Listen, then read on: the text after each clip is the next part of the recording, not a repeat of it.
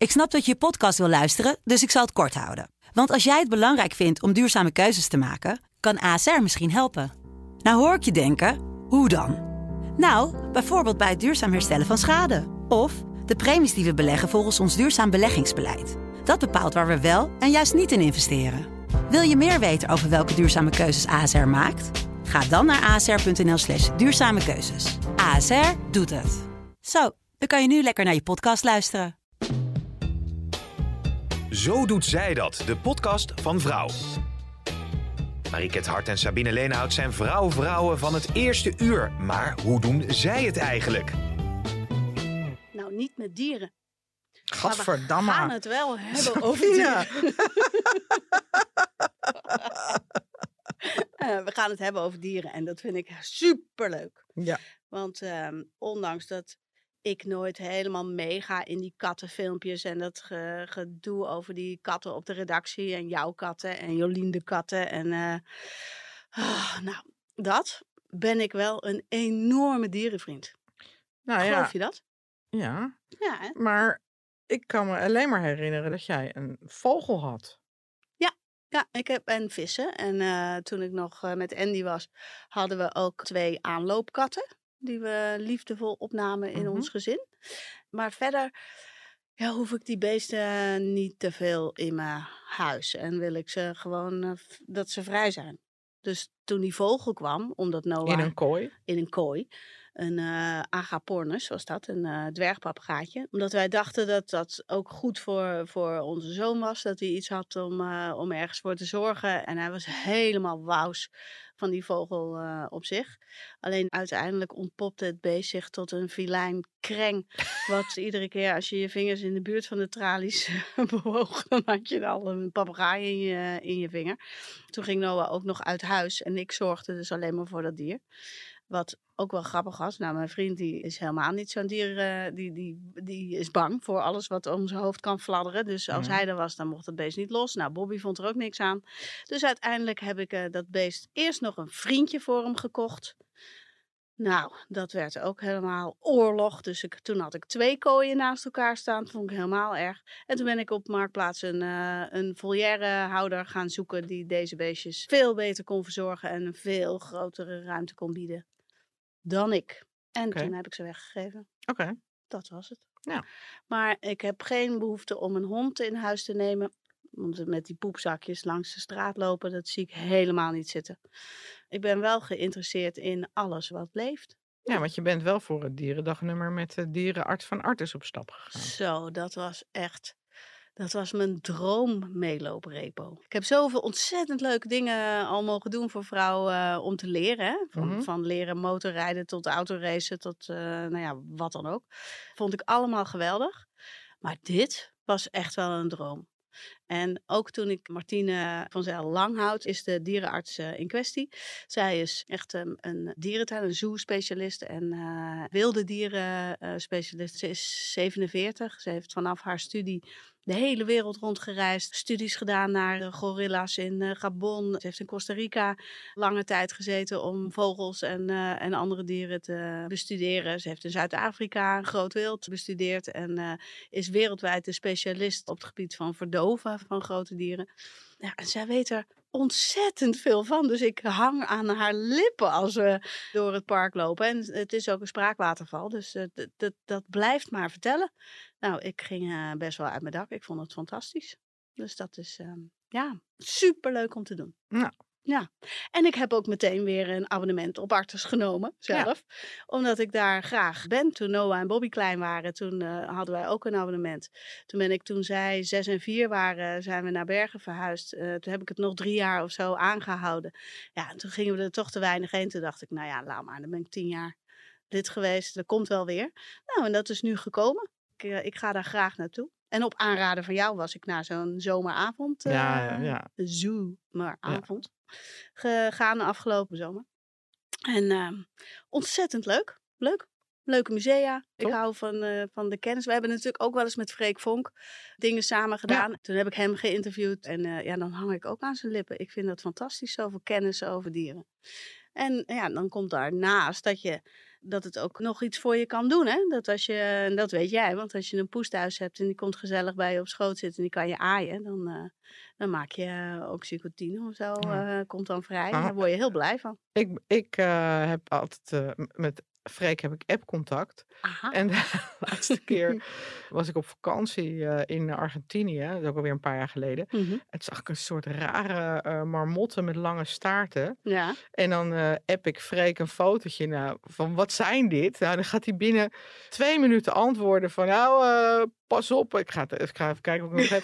dit zijn uh, huppelepup, maar eh, voer ze niet, want ze gaan heel hard bijten. Oh jeetje. Weet je wel, dus eh, eh, ja, als het aan hem ligt, komt hij het liefst elk jaar met Dierendag op de cover. Maar dat gaan we niet doen. Maar ja, we hebben dus gewoon altijd hele leuke contacten. Ja, te gek.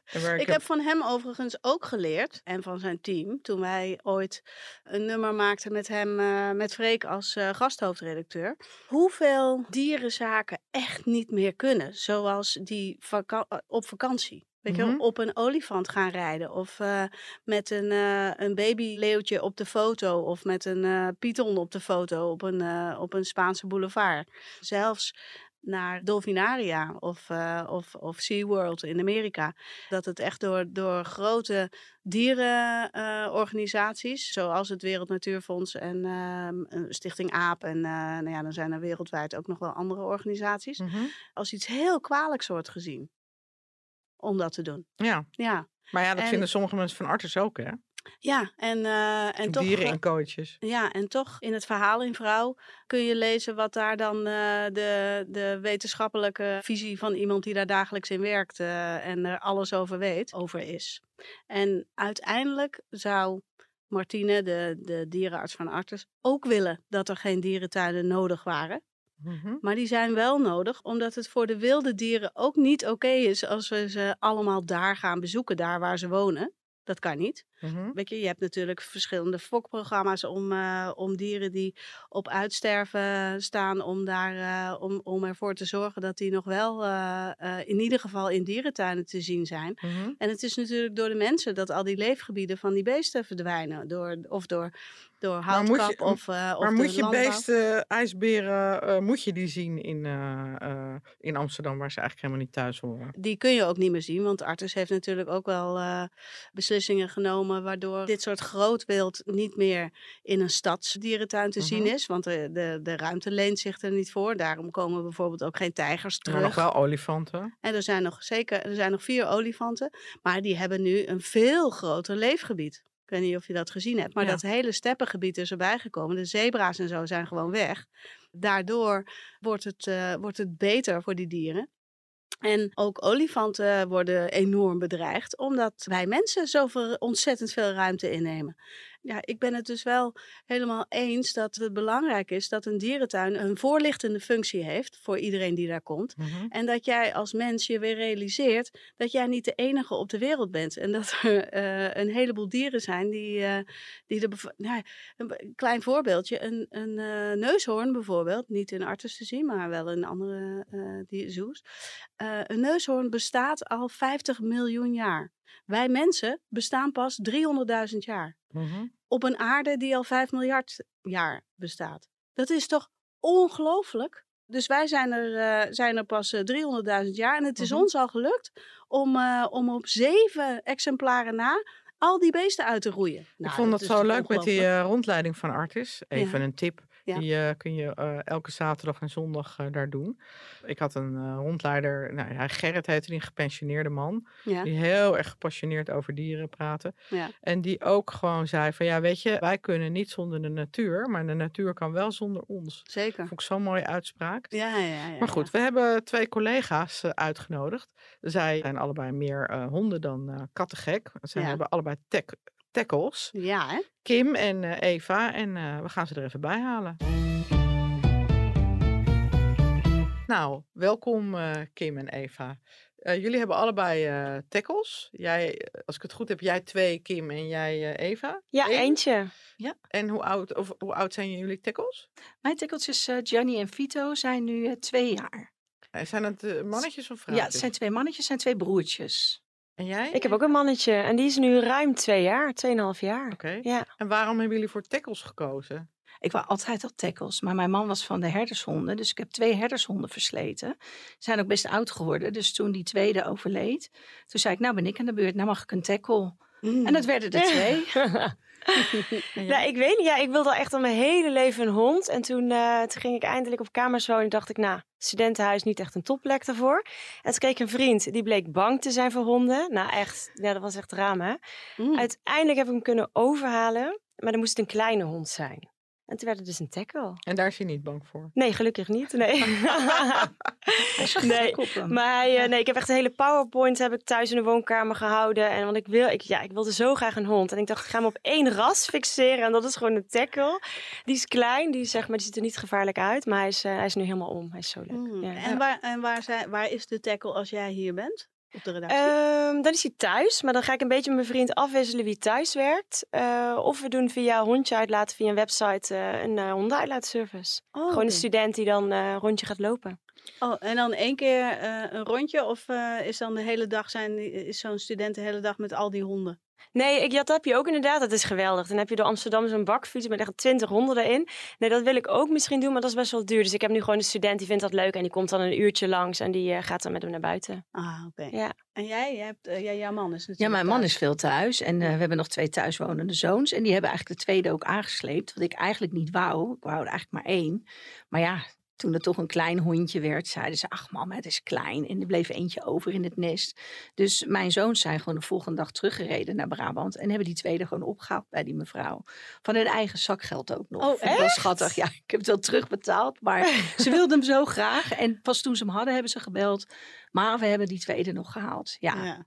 meer dan welkom. En jij bent natuurlijk eh, onze, onze beauty- en modejournalist. En nu heten ze Gianni en Vito. Is dat eh, met een reden? Dat is zeker met een reden. Gianni Uh-huh. is een ode aan Gianni Versace. Omdat Mhm. ik die natuurlijk nog steeds Ah. verschrikkelijk mis.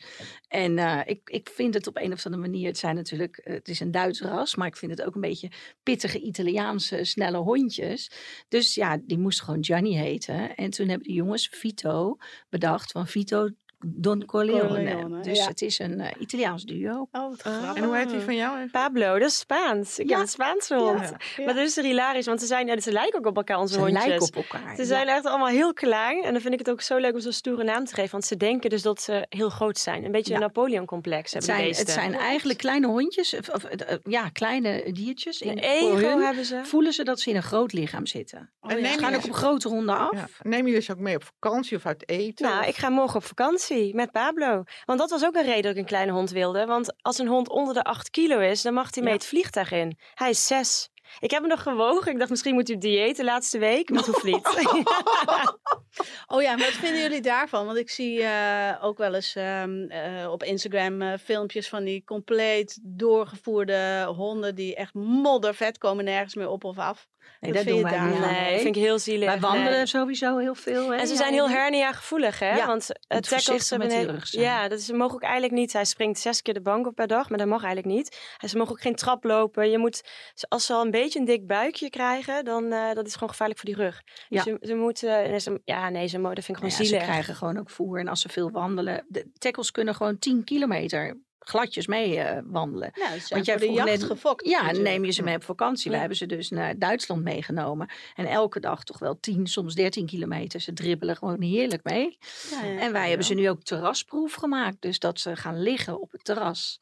En dat ze dus dan niet te veel meer blaffen. Want dat is wel iets, Eve. Dan moet je aan wennen. Dat blaffen, dat keffertje. Dat, Ja, dat, eh, en word je daar ook wennen. s'nachts wakker van? Nee, s'nachts maken ze niet zoveel herrie. Maar overdag bij het zien van een andere hond is het vooral kennis willen maken en enorm blaffen. Ja, een beetje stoer doen. En wij Ja. hebben dan nu een tuin in Amsterdam. En we worden echt geterroriseerd door katten. Echt, iedereen om me heen heeft van. katten. Nee, dus hij is een soort van...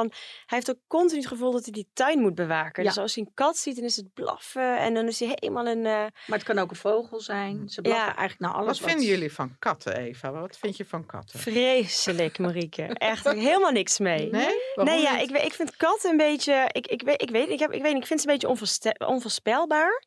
En een beetje een hond. En ik vind een kat meer een, een vrouw, zeg maar. Het kan wel tot gemener uit de hoek komen. En een hond vind ik dan meer een man. Een beetje wat Nee, ik durf het niet te zeggen. Weet je wat Gemoedelijker. wat dommer wil ik bijna zeggen. Maar meer wat, op, ja, wat, wat, wat relaxter of zo. Ja, ik, oh, ik had er best een kat bij gewild. Maar dat gaat niet zo goed met honden samen. Hey, en nou is het dinsdag dierendag. En eh, gaan jullie nog iets doen om de hondjes te verwennen?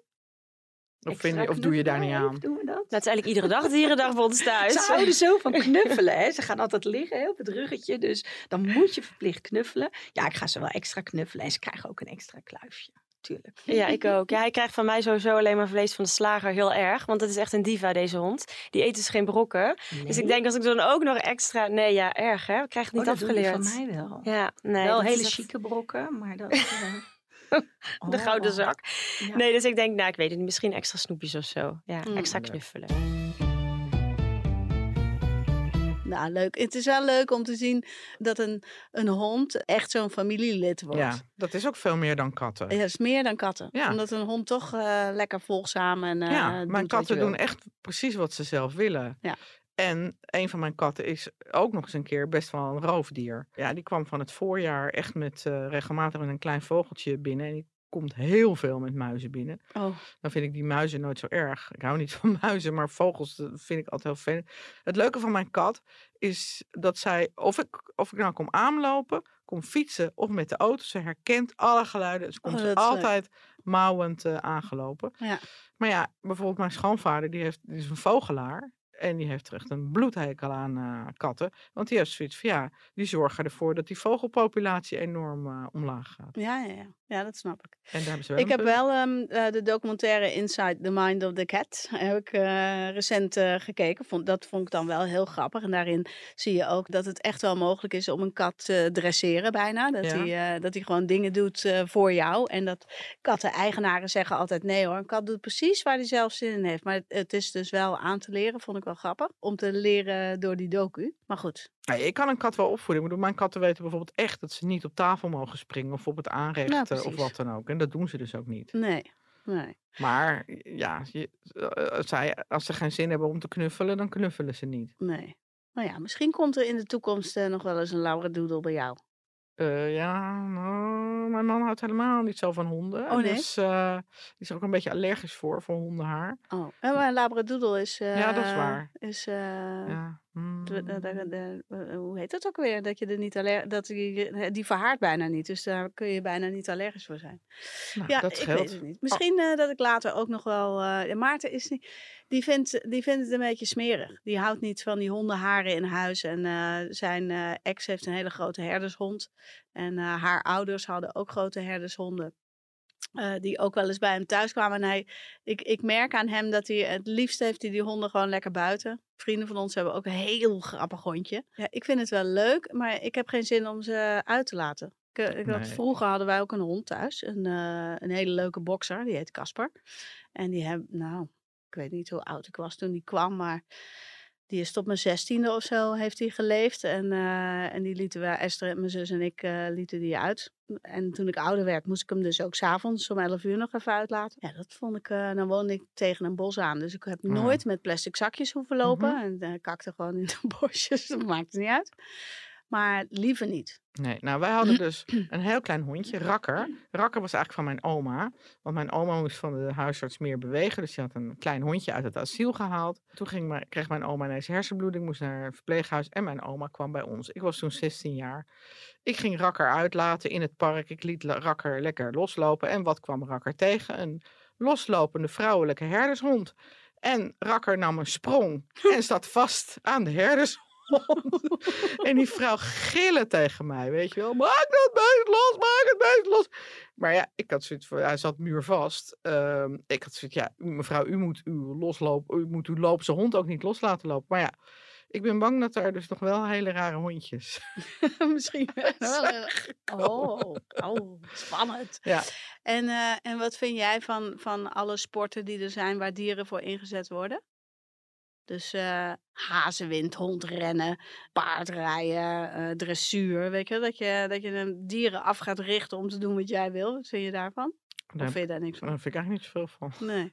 Nee, Oh, ik ben, eh, ja, wat dat betreft eh, eh, ben ik ook niet zo'n super dierenliefhebber. Misschien moeten we even naar de opgebiecht gaan. Opgebiecht. Nou, ik, ik ben wel minder vlees gaan eten dan eerst. Omdat ik het oh, voor mijn gezondheid. En ook omdat ik toch wel ook echt heus wel oog heb voor dierenleed. Mhm. Dus je, ze- ja, ik koop Ja, ik altijd ook. scharrelvlees of biologisch vlees. En ik eet het gewoon nog maar een paar dagen per week. Maar als ik in Frankrijk ben Mhm. en er staat foie gras op het menu. Ja. Ja, dat is echt heel slecht. En iedere keer neem ik me ook voor om het niet te doen. Ik bestel het niet altijd, maar ik denk altijd wel, hm, ik vind het wel heel lekker. ja, Jij? ik ook. Ja, ik vind het ook lekker. Nou kan ik me eh, even niet herinneren wanneer ik me dat voor het laatst besteld heb. Maar ik heb het zeker eh, eh, gegeten. En niet alleen omdat het in een kerstpakket zat, maar ook omdat ik het besteld heb.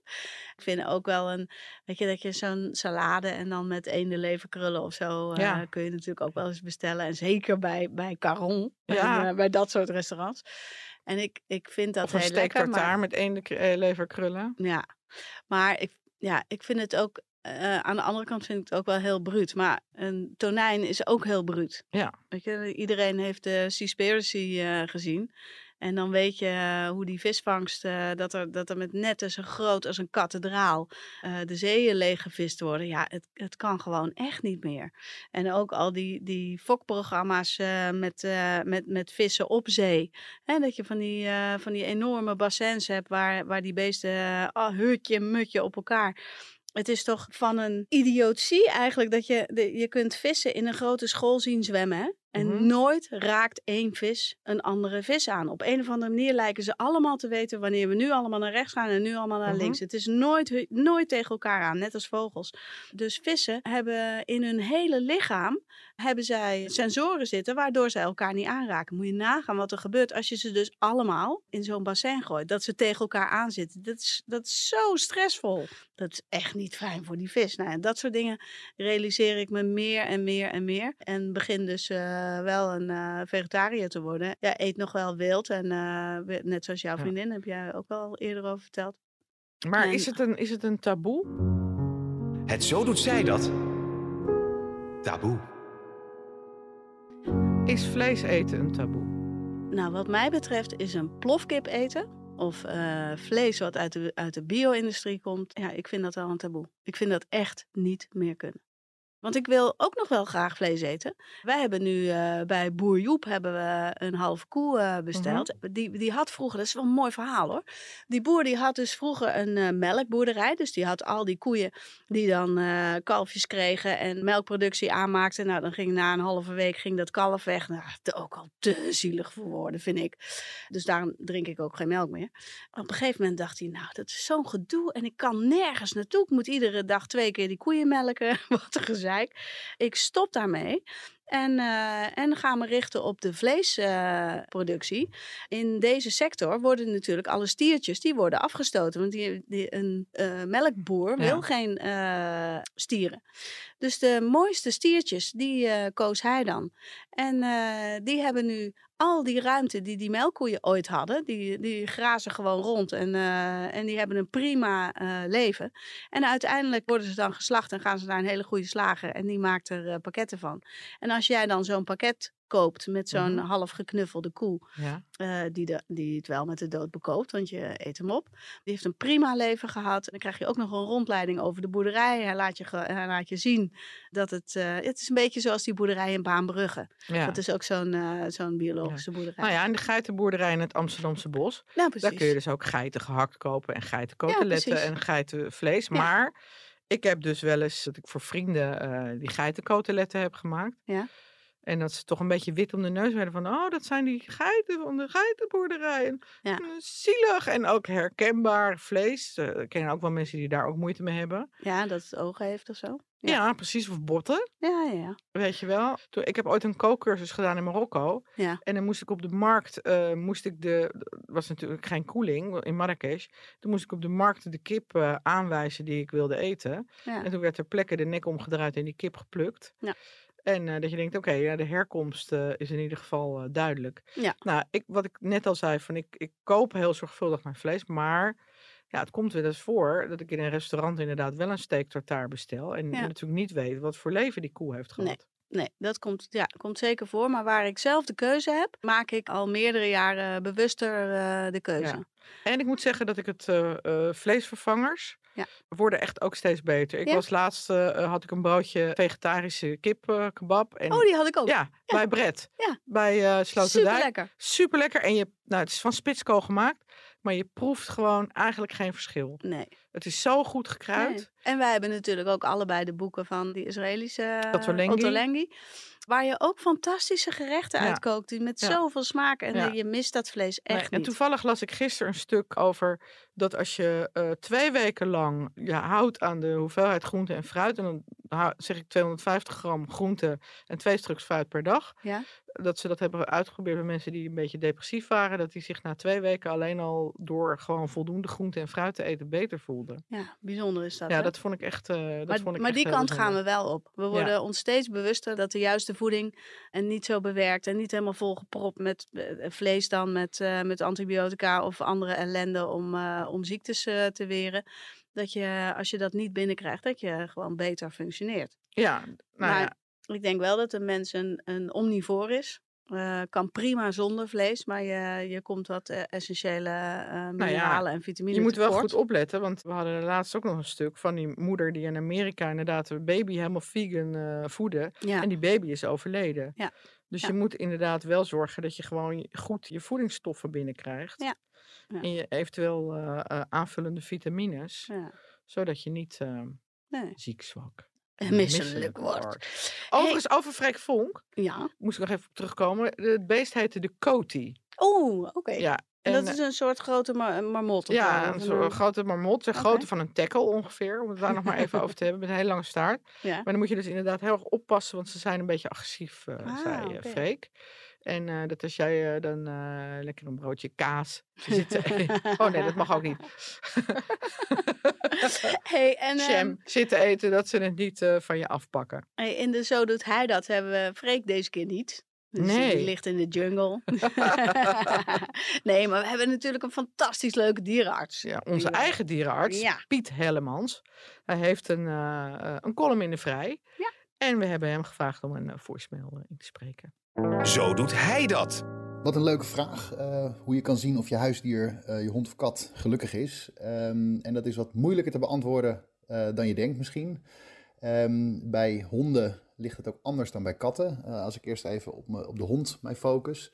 Een hond moet lekker in zijn vel zitten. Dus die moet graag naar buiten gaan. Die moet het leuk vinden om met andere honden te spelen. voor een hond, ook al heb je bijvoorbeeld een heel groot stuk land of een hele grote tuin, die moet echt dagelijks interactie hebben met andere honden, uh, andere honden snuffelen. Nou, honden hebben ook uh, veel energie, hebben veel beweging nodig. Dus uh, drie, vier keer per dag met je hond wandelen, waarvan één ronde een grote is, dat zal hond, maar trouwens ook de baas sowieso heel veel goed doen. Dus dat is erg belangrijk. Merk je dat jouw hond bang is voor bepaalde situaties, bang is voor andere honden, dan zou ik met je hond wel op een gedragscursus gaan of met een hondengedragsdeskundige aan de slag gaan, want dan ontbreekt er echt iets. Uh, wat verder ook belangrijk is bij honden, zeker bij oudere honden, is hun eigen patronen, hun eigen ritmes. Uh, oudere dieren, net als oudere mensen, zijn wat minder flexibel in hun gedrag. Dus een hond die wat ouder is, die ineens ander gedrag gaat vertonen of andere dingen niet meer leuk vindt bijvoorbeeld, uh, dat is ook reden tot zorg. nou, als je een hond jaren hebt, dan kan je elkaar uh, heb je aan één blik genoeg, kan je lezen en schrijven met elkaar. Dus als je merkt dat er iets verandert bij je hond, als hij een bepaalde hobby niet meer leuk vindt, moet je even de bel trekken bij je dierenarts. Nou, bij katten uh, zit het anders. Katten zijn uh, territorium georiënteerde dieren, dus die moeten een fijn territorium hebben. tegenwoordig vinden we toch dat katten wel sociale dieren zijn. Dus voor katten is het wel heel fijn als ze een soortgenootje hebben om mee te spelen. dat gaat het vaakst goed als dat er eentje is van het andere geslacht en ongeveer dezelfde leeftijd. En dan kan je natuurlijk ook altijd bij het asiel of bij een opvang kan je even kijken of het klikt met een kat. Uh, katten kunnen slecht tegen verandering. Dus uh, als er een ver verandering plaatsvindt, een nieuwe kattenbak, nieuw kattengrit, nieuwe voeding, probeer het altijd zo subtiel mogelijk te doen. Daar hebben katten echt een hekel aan. En katten zijn nog veel meer dan honden gewoontedieren. Dus een kat die een ander gedrag vertoont, die op een andere plek gaat liggen, is ook altijd zaak om even in de gaten te houden. Uh, natuurlijk heel veel knuffelen met je honden en katten, dat vinden ze heerlijk. En dat is ook een teken dat ze zich lekker voelen. Oh, daar is mijn kat die zich al even meldt als ik het over knuffelen heb. Eh, dat ze zich lekker voelen, dat ze je opzoeken, eh, dat ze je aan willen raken, ehm, dat ze niet schrikken van je. Eh, en praat veel tegen ze, knuffel veel met ze en verwen ze lekker. Natuurlijk op dierendag, maar eigenlijk het hele jaar door. Heel veel liefs aan jullie huisdieren en fijne dierendag allemaal. nou, wat leuk. Ik hoorde die kat al, al uh, halverwege Oh, zijn, eh, zijn voicemail. Ja, ja leuk. Nou, Ja. wat ga jij doen met dierendag? Nou, wat ga ik doen? Geen vlees eten. Dat is in ieder geval iets. Ja. Ja, Misschien En, wel eh, vegan. een vegan. Ja, dat kan ook. Ja, want zo'n eitje, je kan beter zelf kippetjes hebben. Ja. Misschien dat ik Maar dat die haal ik ook bij de geitenboerderij. Want die kippen, Ja. die lopen daar gewoon. En die zijn lekker. En die kippen die eh, lopen daar door die hele boerderij Oh, eh, wat goed. te scharrelen. Ja. Oh, dat is wel goed. Nee, eh, ja, ik koop dan wel, ik koop bij de supermarkt, dan koop ik wel biologische eieren. Ja. Maar ja, ik vind, weet je, die regels die er dan zijn, nou, je- mag het eh, een eh, vrij uitloop ei noemen of een eh, biologisch ei als die, als die kip misschien eh 20 centimeter meer bewegingsruimte heeft dan die, dan die andere kip, waar het, waar het niet op het pakje staat. Ja, als je ja, mensen willen gewoon in zo'n zo'n geldgedreven economie.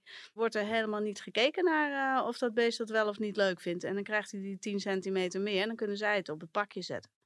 Dat is wel jammer. Heel jammer. Ja, echt heel Ik zit jammer. wel net te denken, vegan voor mezelf en dan een extra stukje vlees voor de kat. Ja. ja, maar katten eten dat nou eenmaal. Maar ja, eh, hij moet gewoon meer eh, vogels vangen en meer muizen jagen. Maar dat kan ook niet. nou, het is wat. Nou ja, goed. Nou ja, Maar dieren en dierengedrag, ik vind het allemaal eh, ik vind het leuk en interessant. En ik vind het, vind het leuk om erover te leren. En ik Nou. word ook heel blij van, van iedere dierendocumentaire die er... je hebt op, op RTL Z, heb je op, op maandag, heb je, is het dierendag, altijd. En dan hebben ze s'avonds documentaires. Nou, ik, vind het zo geweldig. Dus dan zit ik weer in Indonesië en dan zie ik wat daar kruipt en eh, sluipt. En dan ben je weer daar. Nou, ik vind het heel leuk. Ja, nou, mooi. Mooi. Nou, ik eh, wens jullie allemaal een eh, hele fijne dierendag toe. De reportage van Sabine in de dierentuin staat dit weekend in Vrouw. ja. Dus mis hem niet. En nou ja, mocht je dit nou een leuke podcast vinden, geef ons dan een paar sterren. Dank voor het luisteren. Doei! Ja. Doei doei.